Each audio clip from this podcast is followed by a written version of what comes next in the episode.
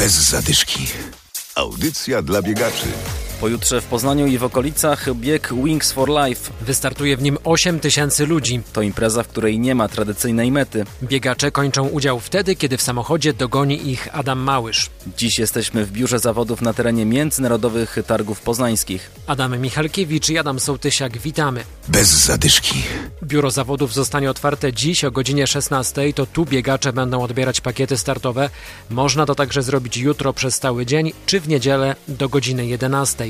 Bieg wraca po pandemicznej przerwie. Dziś na targach rozmawialiśmy z głównym organizatorem Wojciechem Pańczykiem. Też się tego obawialiśmy, że pewne rutyny, które działały co roku, o pewnych rzeczach może zapomnimy, ale okazuje się, że, że wszystko gra i, i ludzie e, byli tak wypuszczeni z zorganizowania tego wydarzenia, że właściwie wszystko robimy przed czasem, trochę ze względu na to, że chcielibyśmy, żeby to już był ten dzień i żebyśmy mogli wystartować. Więc z naszej strony organizacyjnie wszystko gra i oby tak było do niedzieli.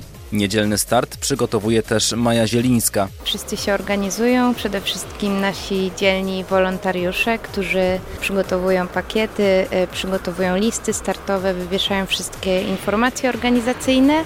No i oczywiście największa akcja jest przy przygotowywaniu samochodu pościgowego.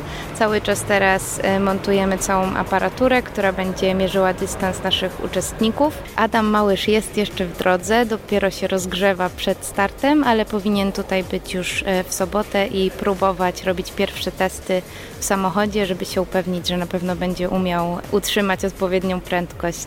W niedzielę Adam Małysz ruszy z targów pół godziny po rozpoczęciu biegu. Na początek pojedzie 15 km na godzinę, po godzinie tempo wzrasta do 16 km na godzinę i co godzinę zwiększa tempo aż do wyprzedzenia ostatniego biegacza. Zaczynamy od tych niskich bardzo prędkości i w zasadzie nie wzbijamy się powyżej tych 30 na godzinę, bo, bo, bo, bo już doganiamy tych ostatnich uczestników podczas e, biegu.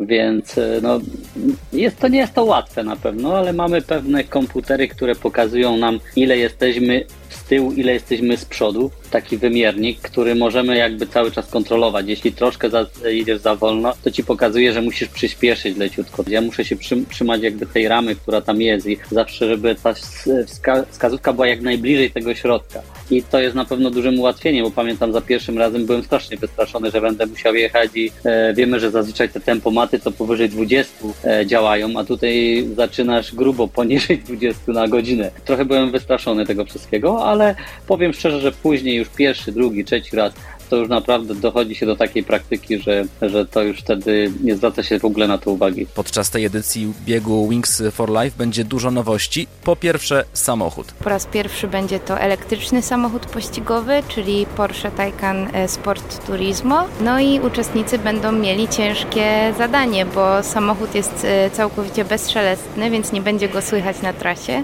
Będą musieli się oglądać uważnie, żeby dostrzec tam Adama. Druga nowość to trasa, start na targach, później do Królowej Jadwigi przez Rondo Rataje, Rondo Starołęka, długie proste na Hetmańskiej i Grochowskiej, później dobiegamy do Grunwaldzkiej, tam skręt w lewo w stronę Junikowa, no i dalej ulica Cmentarna, Złotowska, tutaj kończy się poznański odcinek. Pod Poznaniem trasy poprowadzono przez Wysogotowo, Batorowo, Lusowo, Tarnowo Podgórne, Lusów, Kojankowice czy Cerac Kościelny. Na starcie, jak już mówiliśmy, 8 tysięcy ludzi, zapowiada się ostra walka o zwycięstwo. Możemy mieć walkę tytanów, o ile każdy z nich rzeczywiście potraktuje ten start y, jako docelowy w tym roku i na poważnie będzie chciał powalczyć o najlepszy wynik, to możemy mieć naprawdę fajny na miejscu tu w Poznaniu fajną walkę, bo startuje Bartosz Olszewski, który który jak wiemy wygrał to w Poznaniu i potem zaczęła się jego wielka kariera, gdzie, gdzie wygrywał cały globalny y, bieg razem z Aaronem Andersonem.